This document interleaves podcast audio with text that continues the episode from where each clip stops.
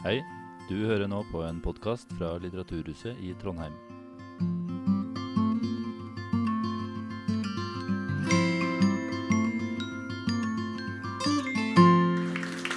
Takk. Marie Storli, jeg er veldig glad for at du kunne komme, og jeg har sagt spøkefullt at du passa veldig fint inn på alle parametere vi har. Vi er veldig glad for kvinner. Kvinneandel må det være. Og det, hun er ikke p- kvotert inn på det, altså. Bare så de skjønner det. Men det er hyggelig. Og så en ung stemme. En ung stemme. Begge deler er, er fantastisk, syns jeg. Og Marie har fått eh, beste skussmål fra alle hold, så vi er spent på hva du har å si. I programomtalen så står det en uendelig økonomisk vekst. Er uendelig økonomisk vekst mulig på en begrenset planet? Nesten 50 år etter utgivelsen av Limits to Growth er dette spørsmålet stadig aktuelt. Vi vet i dag mer om planetens grenser enn noen gang tidligere, men økonomisk vekst skulle aldri vært et mål i seg selv. I beste fall er veksten bare et middel til målet, som er menneskelig velferd i dag og i framtiden. I dag er imidlertid en del, en stor del av veksten øko, økonomisk uøkonomisk. Hallo, hallo. Fortegnet virker. virker viktig. I dag er imidlertid en stor del av veksten uøkonomisk, på den måten at den koster mer i tap av natur enn det vi får igjen av økt konsum.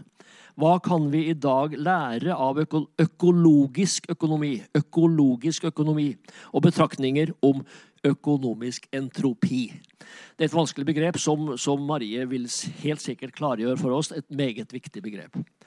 Marie er leder i Rethinking Economics Norge. Hun er utdanna samfunnsøkonom. Vi snakka litt om det her på forhånd. Hun er altså en, i den forstand en helt ordinær samfunnsøkonom. Han har studert mainstream økonomi, samfunnsøkonomi, og likevel har et, en klar alternativ stemme. Eh, har spesialisert seg innen miljøøkonomi og klimamodeller. Og til daglig så jobber hun dessuten som skribent og foredragsholder. Du er hjertelig velkommen.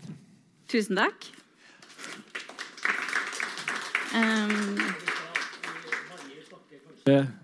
En, en liten time, og så går vi uten pause over til en samtale der de får lov til å spørre, kommentere og protestere og, og, og i det hele tatt.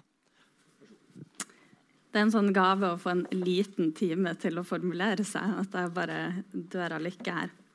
Eh, takk for den ja, fine introduksjonen.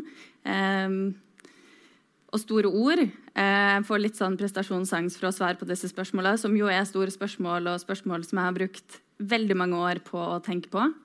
Finnes det grenser for økonomisk vekst? I veldig mange år var jeg også sikker på at jeg hadde svaret. Jeg var helt klar over at det fins grenser for økonomisk vekst. Men for å gjøre dette litt artigere både for dere og for meg, så har jeg valgt en litt annen tone i dette foredraget. Så vi får se.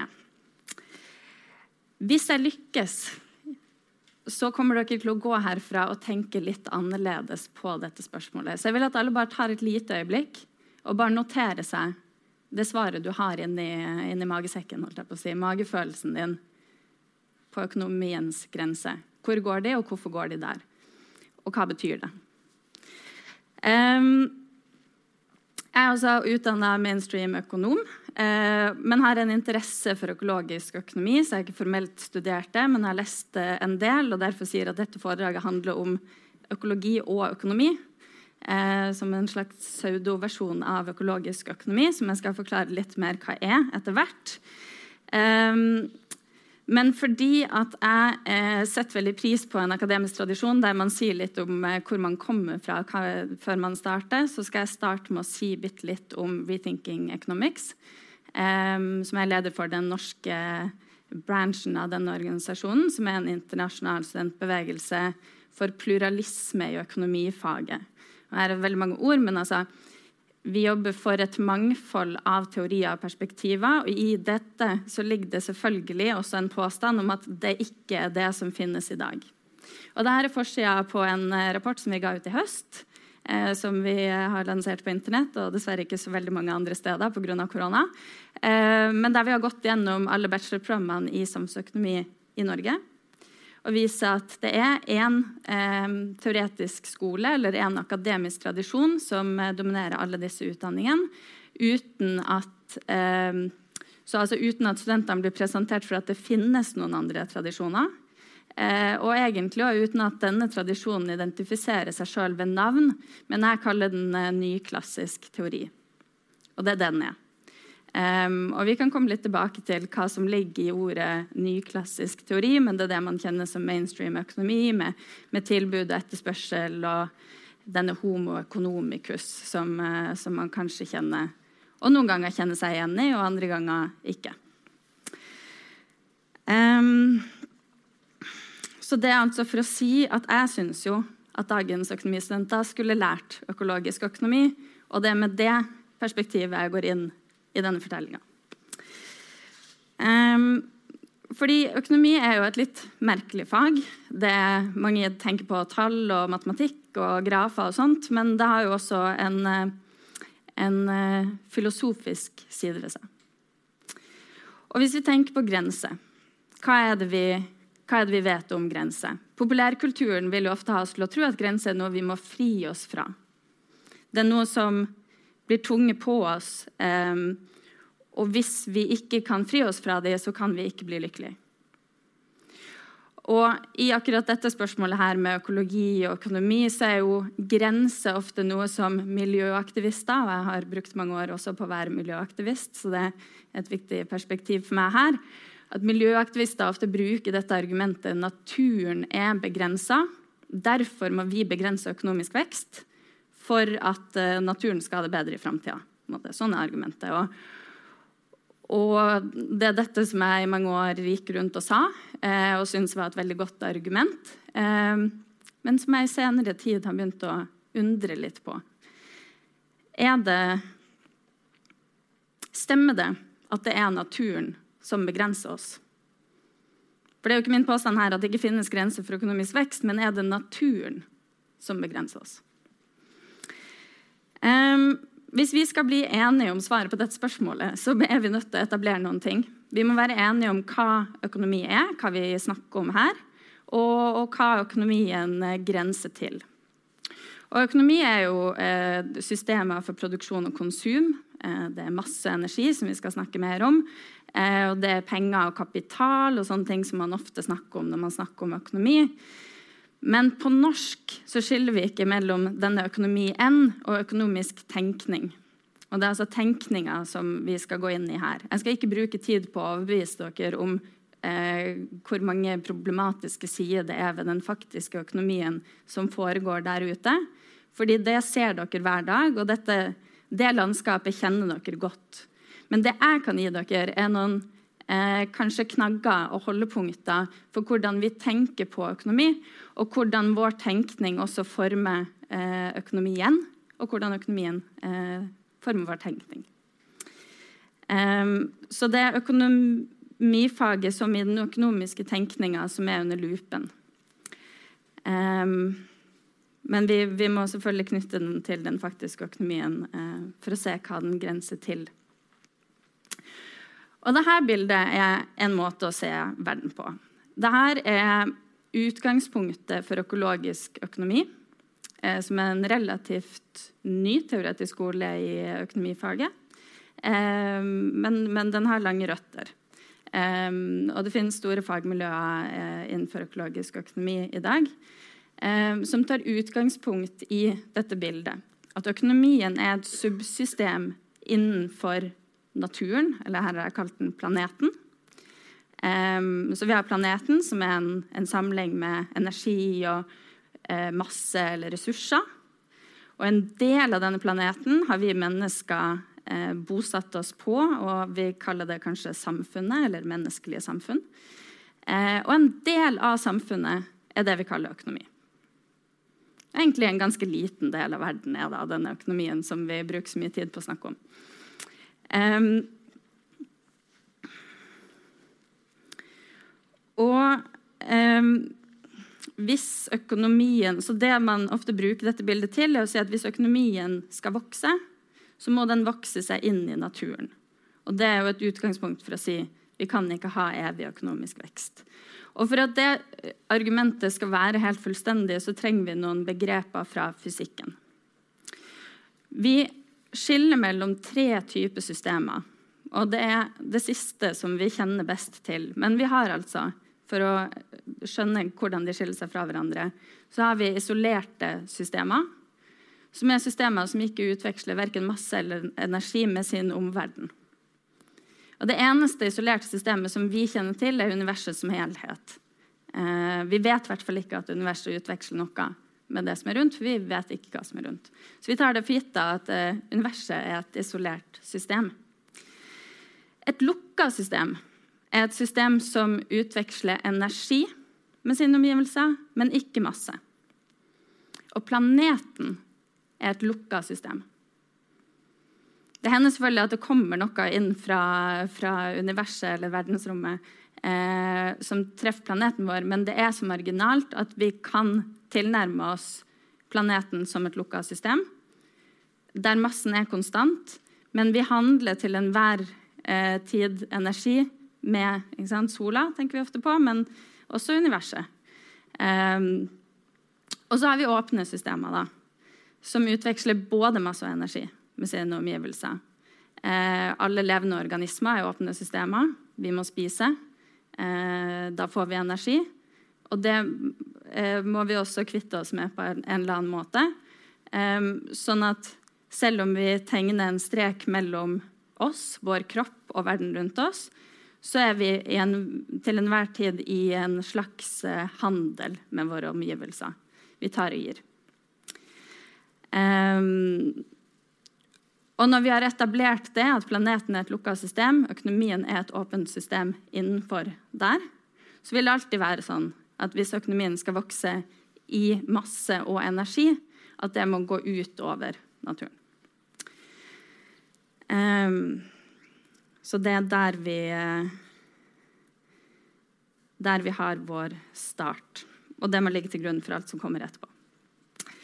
Så er det jo mange som tenker 'limits to growth' når vi snakker om eh, grenser for økonomien. Um, jeg regner med at de fleste har hørt om 'limits to growth', men 'limits to growth' var altså det første store um, altså empiriske studien av effekten på, um, av økonomisk ekspansjon eller økonomisk vekst uh, på naturen.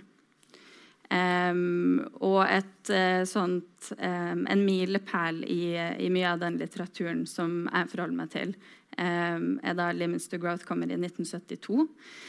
Men det er jo ikke sånn at 'Limits to Growth' er det eneste vi har å ta utgangspunkt i her. Og det her er et rammeverk som er en del nyere. Det kommer først i 2009.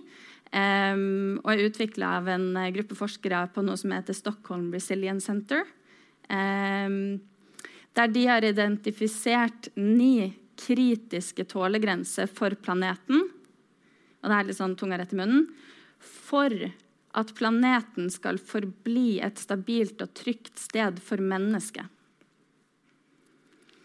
Og her er det jo veldig mange ting i den setninga. Men altså, eh, en anerkjennelse av at mennesket har utvikla seg i det vi kaller den holosene geologiske tidsalderen, som har vært prega av veldig stabilt klima veldig gode omgivelser for oss å utvikle oss. Og nå snakker man om at vi er på vei over i, eller allerede er i, den antroposene tidsalderen, der mennesket er den dominerende kraften som forandrer planeten. Og så sier disse her eh, i Stockholm OK, men hvis vi, skal, hvis vi skal prøve å påvirke planeten minst mulig, da er det disse her tingene som vi må respektere og holde oss innenfor. Og innenfor er den der svarte sirkelen. Um, så der det er grønt, det er vi liksom all good.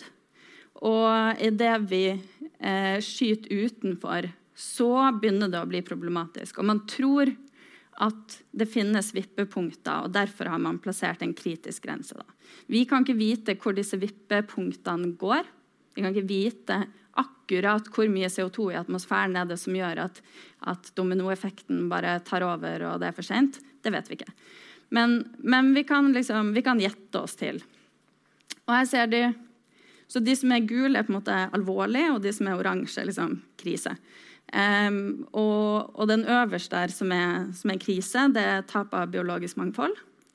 Um, man snakker om den, den sjette masseutryddelsen og sånne ting. Um, så ser du klimaendringer rett til høyre for det, som sånn, ser mye mindre dramatisk ut i forhold.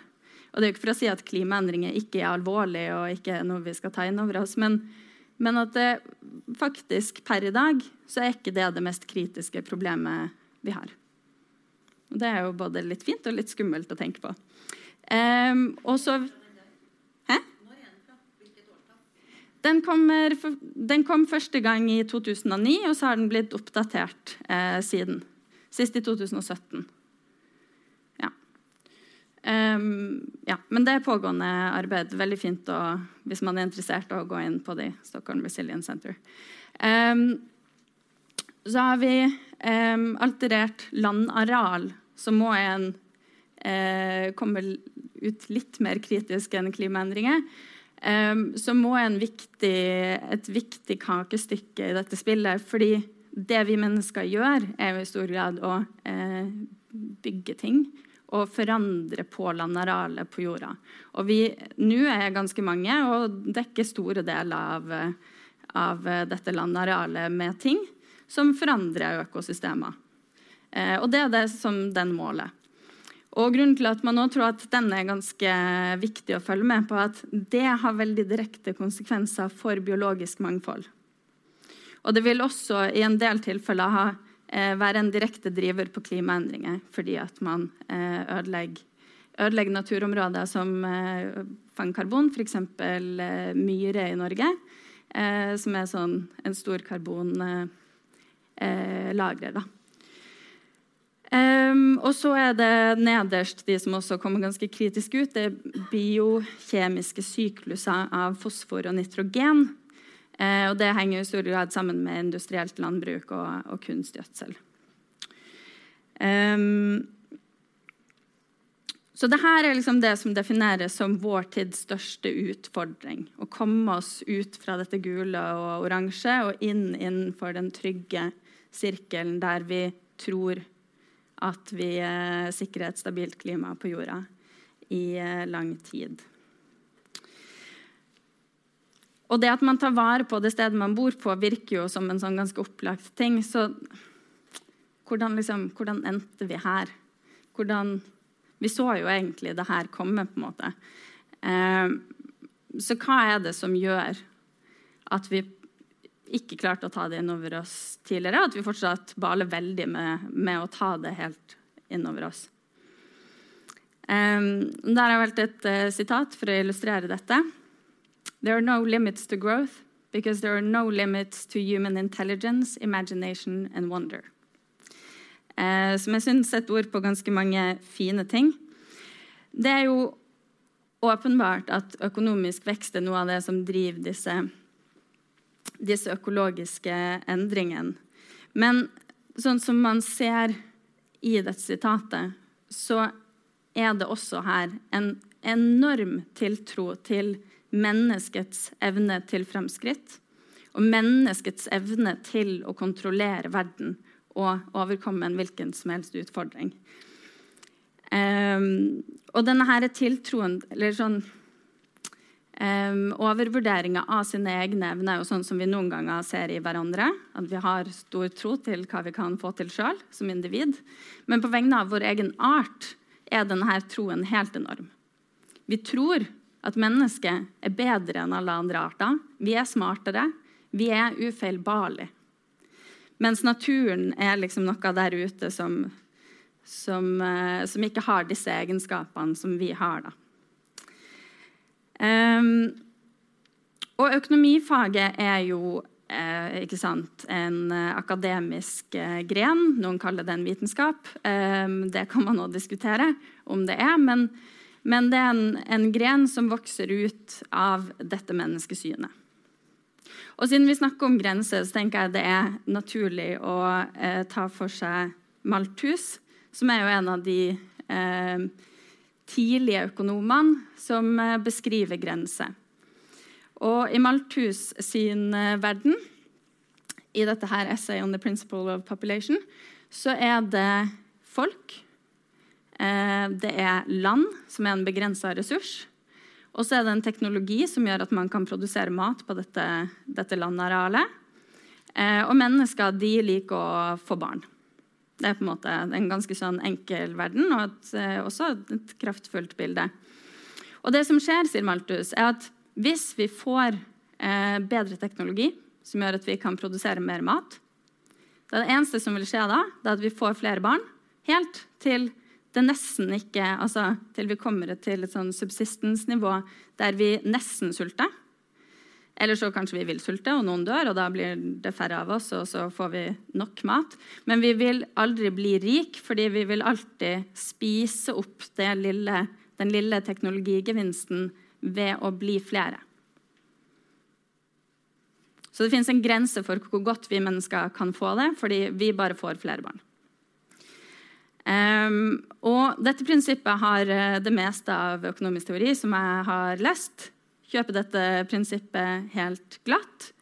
Um, bare at vi sier sånn, vi økonomer, vi sier sånn Malthus han bare så ikke den industrielle revolusjonen komme.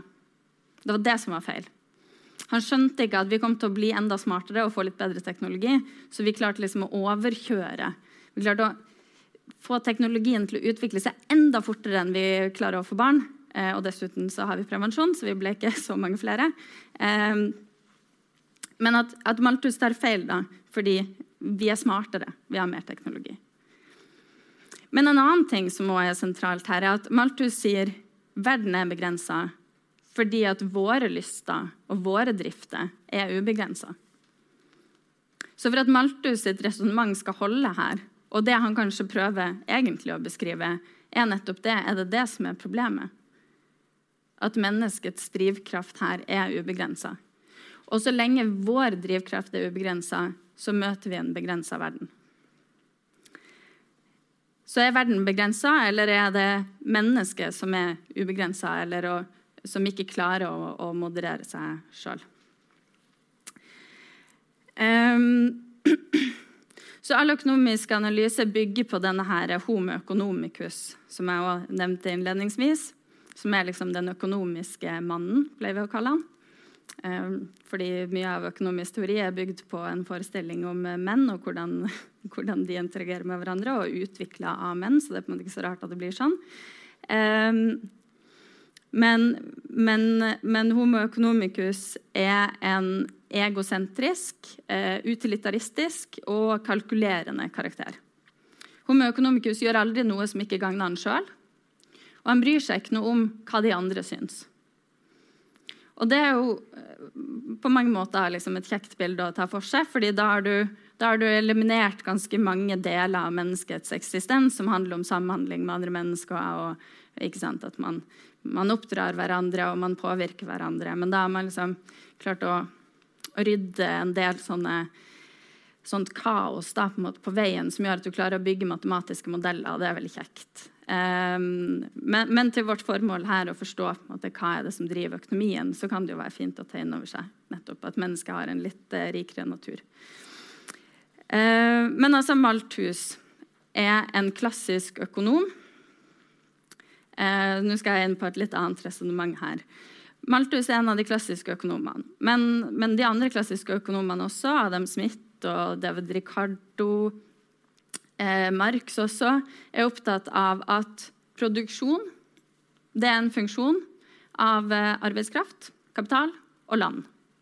Så De har et begrep om at det finnes en naturressurs som er essensiell for økonomisk produksjon, eh, og som eh, akkurat land da, er en ikke-fornybar og konstant eh, ressurs. Har, hvert land har en gitt mengde natur som de kan bruke til denne produksjonen sin. Um, så Det er liksom der økonomifaget starter, og det er jo på en måte fint og flott. Um, og så får du denne her uh, nye skolen da, som er dominerende i dag, og som nesten alle som kaller seg økonom, har studert det som kalles nyklassisk økonomi. Um, som, som, har liksom sin, sin, start på slutten av 1800-tallet og blir utvikla på starten av 1900-tallet. Og I overgangen til nyklassisk økonomi et eller annet sted her, så blir land borte som en essensiell produksjonsfaktor. Det er noen som sier at nei, nei, men altså, nå har vi bare inkludert land i, i kapital. Så kapital er på en måte blitt et bredere begrep. Eh, men her strides de lærde. Eh, det som er essensielt, er at det forsvinner i hvert fall fra ligninga, og man forholder seg nå til en økonomi som består av maskiner og arbeidskraft. Og i lys av hvordan ting var akkurat når disse tenkerne begynte å tenke og kalte seg nyklassikere, eh, så er det kanskje meningsfullt at det er kapital som er den knappe ressursen, og som er avgjørende for hvor mye økonomisk produksjon og hvor mye økonomisk vekst du kan få. Det er kapital. Så Kapitalakkumulasjon gjør deg rikere. Men så står vi jo her på, slutten, eh, nei, på starten av det 21. århundret og oppdager at nå er naturen i ferd med å bli knapp. Um, så da må vi begynne å studere natur. Um, og det begynner jo helt klart eh, økonomer med. Uh, men først uh, må vi en liten tur innom Solov. Vi snakka om teknologi i sted med, med Malthus. Så Solov tar dette rammeverket Y, er altså produksjon. da. Det var litt uklart om jeg ikke si det tidligere. men men så la oss si, produksjon er en funksjon av arbeid og kapital gitt teknologi. Hvis du skal ha økonomisk vekst over tid, så holder det ikke å akkumulere kapital. For det som er kjipt med maskiner, er at de blir slitt, og de blir ødelagt, og de må repareres. Så det, du kan vokse økonomien din med å akkumulere kapital opp til et visst punkt. Og så driver du bare og reparerer de gamle maskinene. Det krever ganske mye å holde det i gang. Så hvis du skal på lang sikt få til vekst, da må du ha teknologiutvikling og innovasjon. Og så fortsetter liksom økonomer på det sporet. Det er sånn, ja, ok, Men så lenge vi bruker ressurser på å utvikle ny teknologi, ja, da går det her bra. Da kan vi ha vekst fortsatt. Og så er det en av mine, en av mine favorittøkonomer å snakke om, er Nordhaus, som fikk nobelprisen eh, for tre år siden for sine bidrag til tenkning om klimaendringer i økonomifaget. Og Nordhaus eh, bruker Solov sin eh, teori om økonomisk vekst og sier fint, fint, vi skal ha teknologi, vi skal ha økonomisk vekst. Um, men nå må, må, vi vurdere dette spørsmålet opp mot klimaendringer. Kan vi vokse økonomien vår, um, som betyr at vi har utslipp av CO2 og får klimaendringer? Um, er det lurt? Vil det liksom straffe seg i framtida eller ikke? Eh, og så beregner han at det optimale nivået av global oppvarming ligger på 3,5% i år 2100. Og det er jo litt mye informasjon å ta inn. Eh, så jeg skal bruke bitte litt tid på å forklare denne grafen. Fordi eh, det er mye informasjon her. Men, men det at det optimale nivået klimaendringer er regna ut av som at du får klimaendringer i fremtida som er kostbare. Både fysisk og økonomisk vil klimaendringer ødelegge mye og, og være store summer i tap i fremtida. Men så må det veies opp mot sier Nordhaus. Det må veies opp mot det som vi mister i dag, hvis vi skal redu redusere vår produksjon i dag for å eh, minimere klimagassutslippene våre. Det er også en kostnad. Og det er jo ikke en kostnad som vi må betale. for det når de sier at det er en kostnad i form av noe som vi kunne fått, men som vi enda ikke har. Så det er en relativ kostnad, men, men den, det er en kostnad som vi regner på. Så når de sier her Den blå linja som går liksom rett opp, det er business as usual. Og her har vi temperatur på den vertikale aksen og tid på den eh, horisontale fra år 2000 til 2100.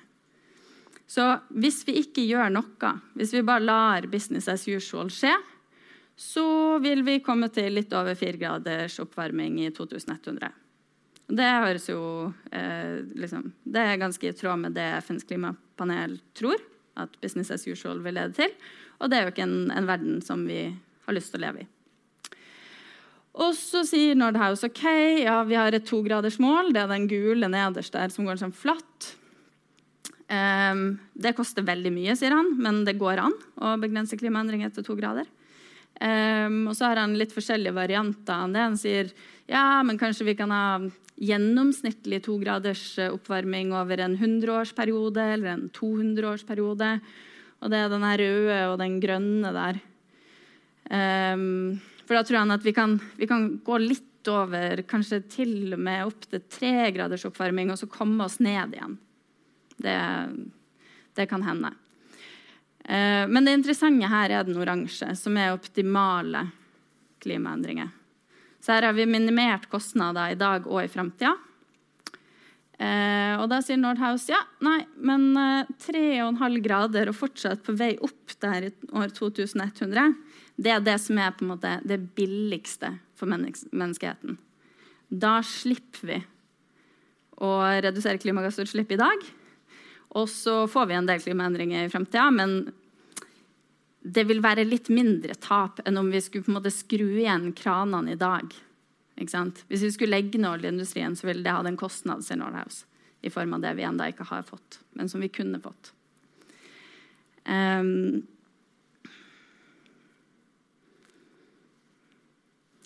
så hva er, det, hva er det som gjør at du kan ha et sånt her resultat?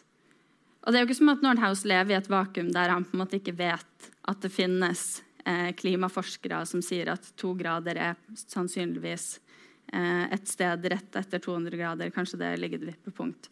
Han, han er jo i kontakt med disse folkene. Men han har altså bygd en modell som viser det noe helt annet.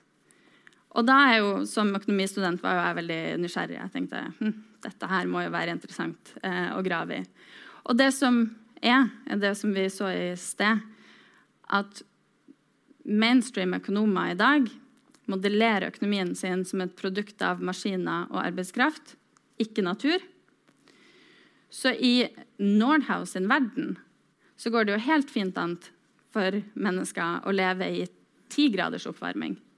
Så lenge vi har arbeid og maskiner, så vil vi kunne produsere og leve gode liv. Så det Nordhaus går glipp av her i sitt resonnement, er jo nettopp alle de goder og tjenester og de tingene som naturen produserer for oss. Fordi I Nordhaus-verden så er mennesket det eneste som er produktivt, og det er på en måte det vi må ta vare på. Men det at naturen produserer ren luft, eh, friskt vann eh, Gjør at vi kan dyrke maten vår, eh, og det blir litt sånn banalt å liksom nevne. Eh, er det som gjør at han kan, han kan gå så høyt ut. Fordi hans, i hans lille modellverden så er fire graders oppvarming helt OK. Fordi at mennesket er ikke avhengig av naturen. Så selvfølgelig, på dette bildet Nå har vi fjerna samfunnet, og så har vi bare økonomien og planeten. Så er jo den viktigste strømmen for oss er det naturen leverer til oss eller som vi kan bruke fra naturen. Um, selvfølgelig går pilen andre veien også. Vi kvitter oss jo med ting hele tida som vi kaster ut i naturen igjen. Men det sentrale er kanskje å ta inn over seg at vi er avhengig av naturen. Um, ja, og nå gjorde jeg litt der som jeg hadde tenkt å ikke gjøre. Men det, det, er vanskelig for meg når jeg har på meg økonomhatten min, å ikke gjøre det skillet. Men det er det som jeg har lyst til å få til eh, i dag. At det er jo egentlig ikke et skille mellom oss og naturen. Altså, mennesket er natur. Det er ikke noe mindre naturlig ved en storby enn det er ved en maurtue. Ikke sant? Ofte så, så bruker vi liksom ordet natur på en sånn Eh, på en måte for å verdsette. Så vi, ting som vi liker, det sier vi sånn ah, det er naturlig. Og så har vi ting ved mennesker som vi ikke liker så godt. Da sier vi det her er unaturlig. F.eks. søppelfyllinger. Det er unaturlig. Men det er jo naturlig. Altså Det er vi som gjør det. Vi er natur. OK, søppelfyllinger. Men hvis ikke vi har lyst til å leve på en søppelfylling, da er det jo på en måte da er det jo vår natur som man må, må begynne å reflektere litt rundt. da. Um, og det er det jo flere og flere som gjør, heldigvis. Det er ikke bare mørkt. Um, og det her er Det ligner jo litt på det bildet vi så i sted. Uh, men det her er et forsøk på uh, å skape et nytt økonomisk paradigme. Og det løser mange av de problemene eh, som jeg har måttet løfte, og som jeg møter i meg sjøl som økonom. Så på utsida her så har du de eh, planetens tålegrense. Og så kaller denne økonomen Kate Rayworth, som er en britisk økonom, eh, som utvikla denne modellen og har skrevet en bok som heter 'Donut Economics', eller smultringøkonomi. Eh, der hun tar planetens tålegrense, og så sier hun det er veldig viktig at vi kommer oss innenfor disse tålegrensene, sånn at mennesker i framtida skal kunne leve gode liv. Ok, Så vi må redusere vårt ressursbruk ganske kraftig og ganske fort.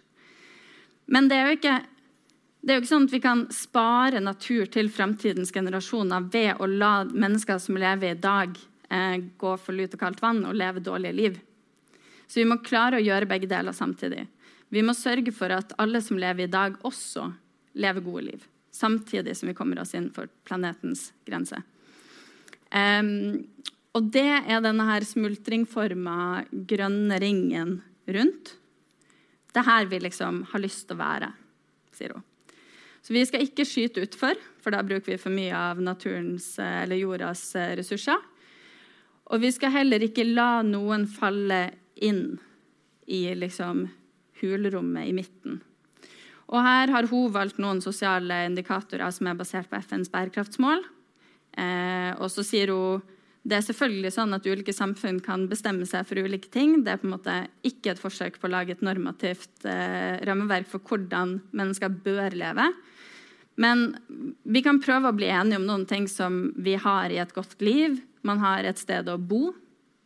Man har kanskje mulighet til å få en jobb. Eh, men alle disse tingene kan forhandles.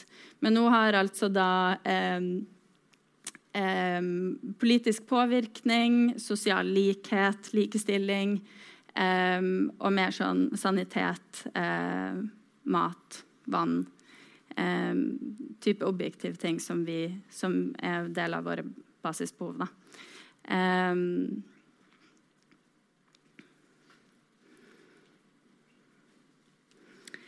så, så det smultringen gjør, er å gi oss et mål for den økonomiske tenkninga. Hva er det vi prøver å oppnå her? Um, og så sier Kate OK, det er mange ting som må skje helt praktisk. Men hvordan kommer vi dit? Hvordan kommer vi innenfor denne grønne lille sirkelen? Da har hun sju prinsipper for en økonom, men for så vidt og gjerne for alle, for det 21. århundret. Hun sier det første vi må gjøre, er å endre målet. Vi må slutte å tenke på vekst i BNP og begynne å tenke på denne smultringen. Altså, hva er det vi, er det vi vil? Ofte så, så, tenker vi jo som om at vi får det bedre hvis vi får høyere BNP og mer vekst. Men hvis målet er at vi skal få det bedre, skal vi bare skal vi skifte fokuset til det vi egentlig er ute etter. Um, og så uh, sier hun vi må se det store bildet. Økonomien er en del av planeten. Vi må dyrke menneskets natur. Det innover oss at mennesket ikke er bare som homo economicus, selv om noen av oss av og til utviser noen litt usympatiske sider som kan minne om. Så er vi også sosialt tilpasningsdyktige vesen. Eh, vi har empatiske egenskaper og mange andre ting. Eh, og oppfører oss jo ganske ofte som, eh, som flokkdyr. Og så så det må vi ta inn over oss også når vi tenker økonomi. At mennesket er mye mer eh, enn å maksimere sin egen, sin egen velferd. Eh, så må vi ta et systemisk perspektiv. og Det er sånn, et poeng hun gjør til økonomer, som er veldig opptatt av statisk likvekt. Det er litt teknisk, akkurat det, men å ta inn over seg at verden er ikke sånn som William Nordhaus tror, at han kan modellere 500 år frem i tid med klimaendringer og si noe om hva som skjer i 2250. Eh, fordi verden er dynamisk, og den er kompleks. Så du kan gjette på hvor ting kommer til å gå, men du kan jo ikke vite, for at vi mennesker forandrer oss på veien. Og alt annet òg vil forandre seg på veien. Så det du vet i dag, er ikke nødvendigvis det de vet i, uh, i framtida. Og så eh, sier hun vi må designe for omfordeling. Vi har eh, store problemer med økonomisk ulikhet. Eh, og at man må ta et oppgjør med denne tanken om at økonomisk vekst kan løse også ulikhetsproblemet. Eh, og at man skal skape eller designe økonomien på en måte som regenererer. Og det skal vi snakke litt mer om, eh, men det er sirkulær økonomi. Kanskje mange kjenner det igjen med. Og så er det det viktigste, da, som peker tilbake på det første. Vi må bli vekstagnostikere. Fordi at det er ikke egentlig så farlig om økonomien vokser eller ikke. Det kan hende at vi får masse klimaendringer sant, om noen tiår som fordi vi må Altså det er mange ting som kan skje. Hvis det skjer så store skader på økonomien at det i seg sjøl å rydde de opp gjør at BNP blir høyere, ja, da har vi vekst. Men det ville jo ikke vært en bra ting. Det er likegyldig for menneske, eh, menneskets velferd om vi har vekst eller ikke. Det er ikke det det handler om. Så du har noen som sier ja, men vi skal ha grønn vekst, og så har du noen som sier nei, vi, degrowth og motvekst, og vi må, når vi krymper økonomien Så sier Kate kanskje er det ikke her slaget står. Kanskje er det Skal vi bare la det skje, det som vil skje? Så skal vi fokusere på de tingene som vi tror er viktige. Så bli vekstagnostiker. Eh, her er en eh, forskergruppe som har eh, lagd sånne smultringprofiler for alle land. Så jeg har tatt Norge sin ut, men man kan søke opp nesten alle land i verden og få et sånt bilde. her ser vi, Det er jo ikke alle som er kvantifisert, men de sosiale indikatorene på midten der, de som er blå, de er liksom 100 oppfylt. Best i klassen.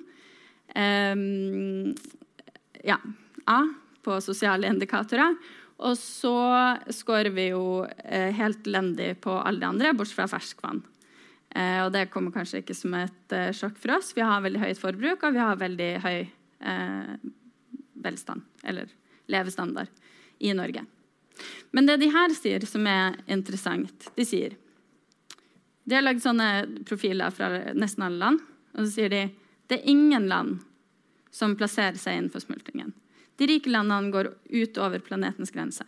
Og de fattige landene de klarer ikke, de går i mye mindre grad utover planetens grense, men de klarer ikke å tilfredsstille eh, behovene eh, til befolkninga si. De klarer ikke å, å, å, gi de gode liv på den måten fordi de har for lite ressurser.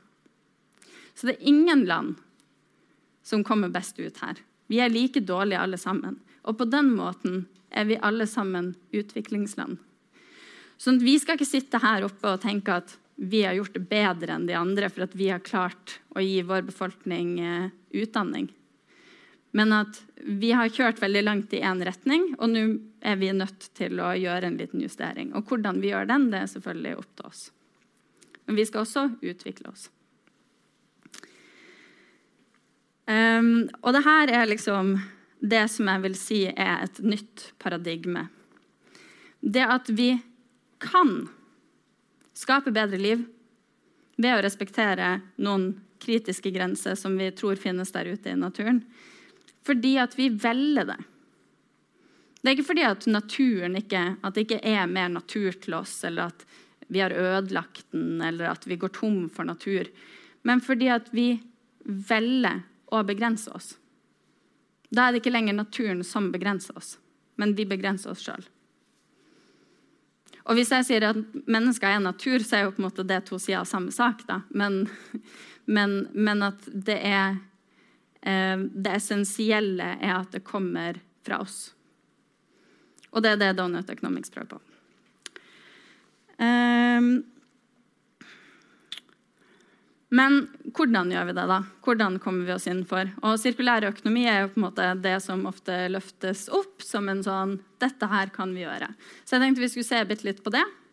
Eh, og så tenkte jeg at eh, eh, vi skulle Eller at jeg skal bruke det, men helst sammen med dere. Eh, til å nyansere og forsterke den her, hvorfor vi må være vekstagnostikere i denne verden som vi går inn i. Så sirkulær økonomi er jo et sånn buzzword som man hører mye prat om. Og folk mener veldig forskjellige ting når de snakker om det, og det finnes på en måte ingen sånn standard definisjon som vi alle kan være enige om. Men den enkleste måten å forstå det er at det er noe som skiller seg fra dagens økonomiske modell, som er lineær, der vi tar naturressurser ut, um, bruker de til å produsere ting som vi konsumerer, og så kaster vi de. Og da, da er de borte fra økonomien. Ikke sant? Så det sirkulære er liksom en tanke om at vi kan lukke denne syklusen. Vi kan se på avfall og bruke det som en ressurs. Um, for at det ikke skal bli mer uh, søppel på, uh, på søppeldynga. Men også sånn at vi slipper å ta ressurser ut av naturen. Fordi vi kan bruke på nytt det vi allerede eh, har lagt beslag på. Eh, og da kan man snakke om mange spennende ting, og kanskje dere har spørsmål om det etterpå. Men, men man kan designe ut avfall på forskjellige måter. Man lager produkter på en måte som gjør at når du er ferdig å bruke det, eller det er utslitt, at du kan skille materialene fra hverandre for å resirkulere dem. Det er en sånn en idé som går igjen. Og så er det ganske mange ideer som går på at vi må redusere forbruket vårt, sånn at det fins ulike måter å løse privat konsum på. Der ikke nødvendigvis jeg må kjøpe den tingen og eie den, men kanskje jeg leier den. Kanskje jeg kan Um, spesielt med barneklær er det flere, flere, aktører som gjør det. At du kan abonnere på parkdresser, f.eks., som er en sånn ting som man må kjøpe på nytt og på nytt fordi barn vokser. Um, så avhengig av hvordan type gode du, du, er ute etter, så kan det finnes forskjellige løsninger. Det er også flere og flere som kjøper eh, produktet som en tjeneste.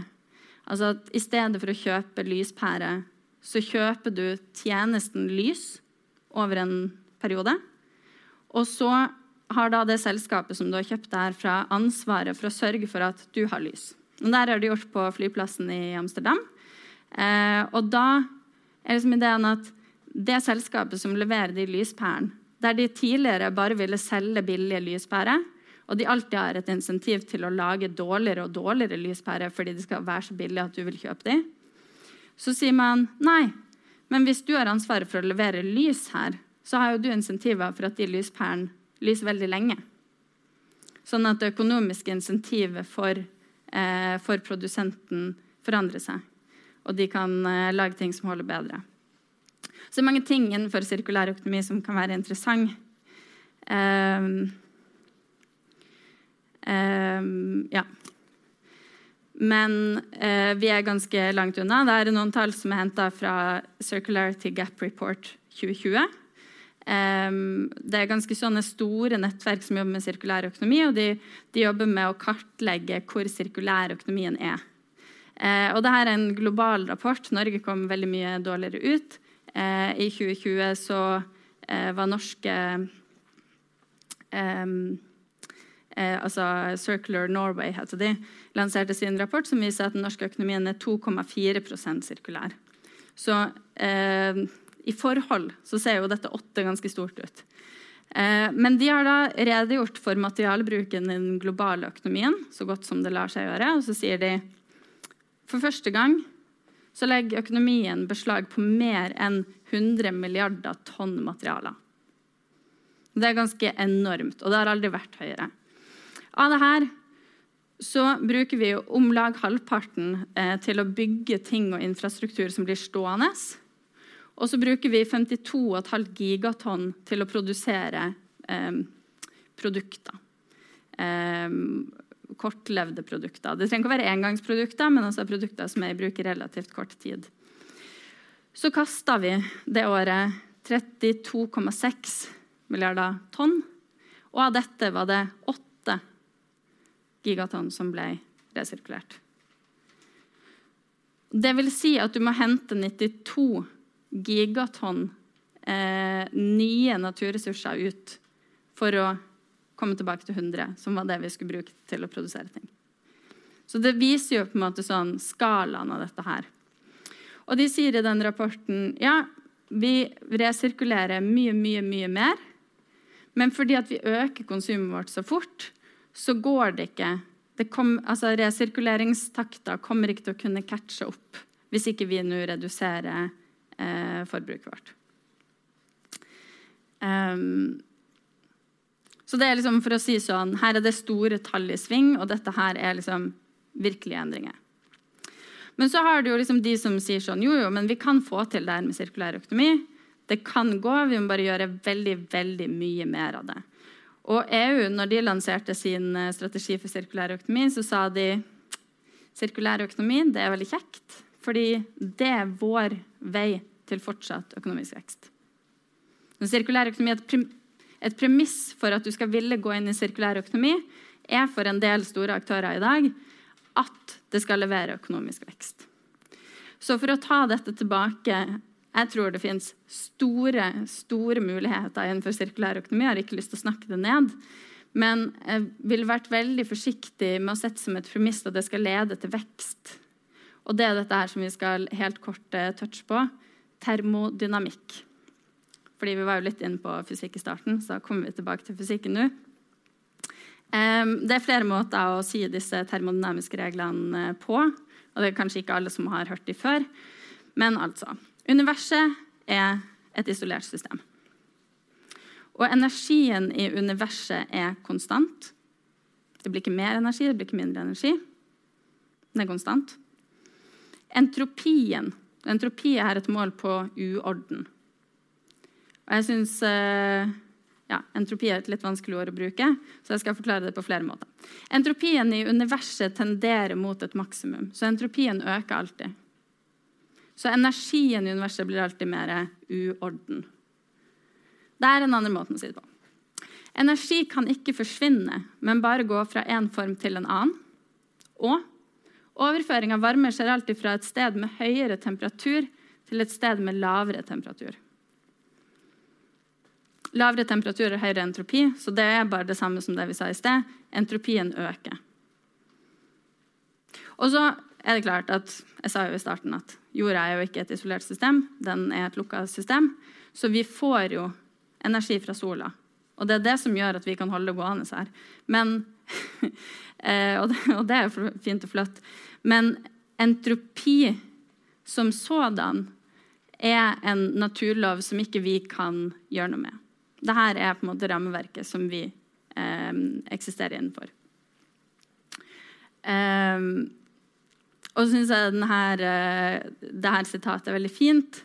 Som sier at måten man kan forstå entropi på, eller å nærme seg det, eh, begynner ved å skille mellom tilgjengelig og utilgjengelig energi.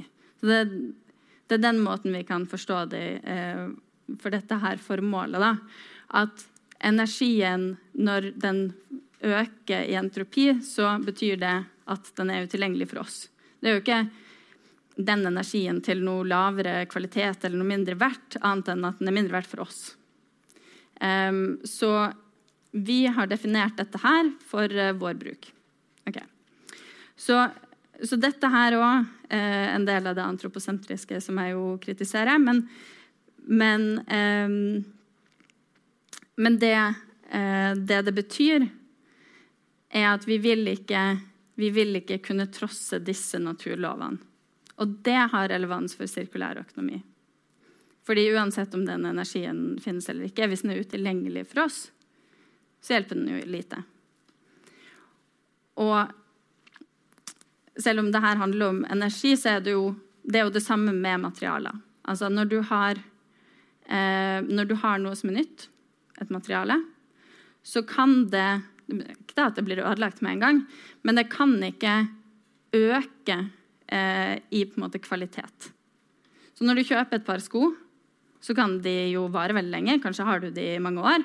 Men de kan ikke bli noe bedre enn de var når de var nye. De blir slitt. Og når vi resirkulerer materiale, så når det blir slitt nok Og de blir slitt, liksom, det er den veien det går alltid. Når vi resirkulerer det, så kan vi øke kvaliteten. Men det krever masse energi. Um, og du vil aldri få 100% ut. Det vil alltid være et tap involvert i en sånn prosess. Det er det entropien forteller oss. Um, ja. Så menneske, sirkulær økonomi Jeg skal prøve å rappe opp her, og så håper jeg at vi uh, kanskje litt, uh, får en diskusjon om sirkulær økonomi som, uh, som kan gå utover det.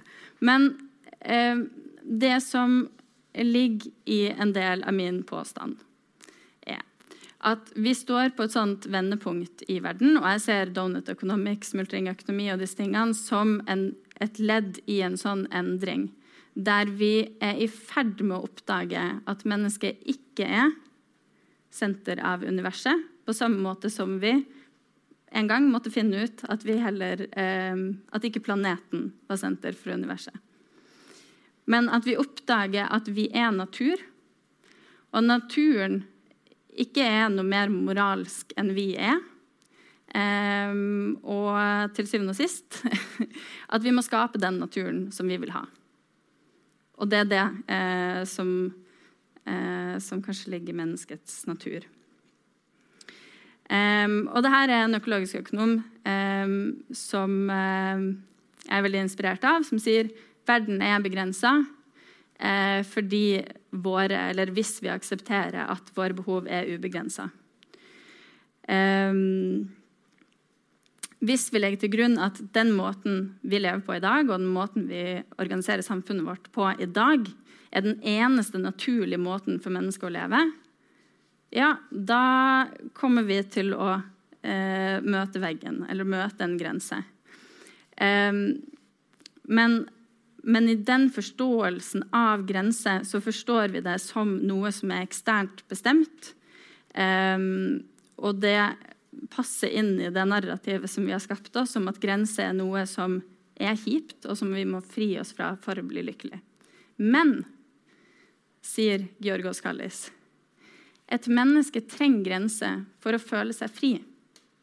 Det er en helt essensiell del av oppdragelsen for barn at de får grenser. Og det er også en viktig del av voksenlivet at man setter sine egne grenser. Det er på mange måter det som er å bli voksen, at du bestemmer de sjøl. Men vi forhandler de eh, med oss sjøl og med hverandre hele tida.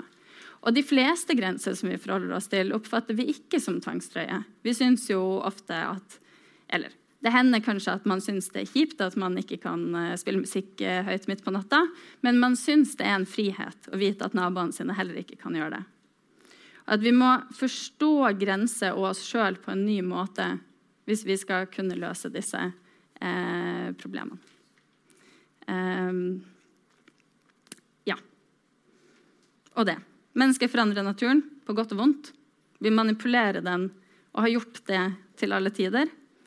Um, det er ikke sånn at mennesker bare kan ødelegge natur. Vi eh, gjødsler den for å dyrke mat.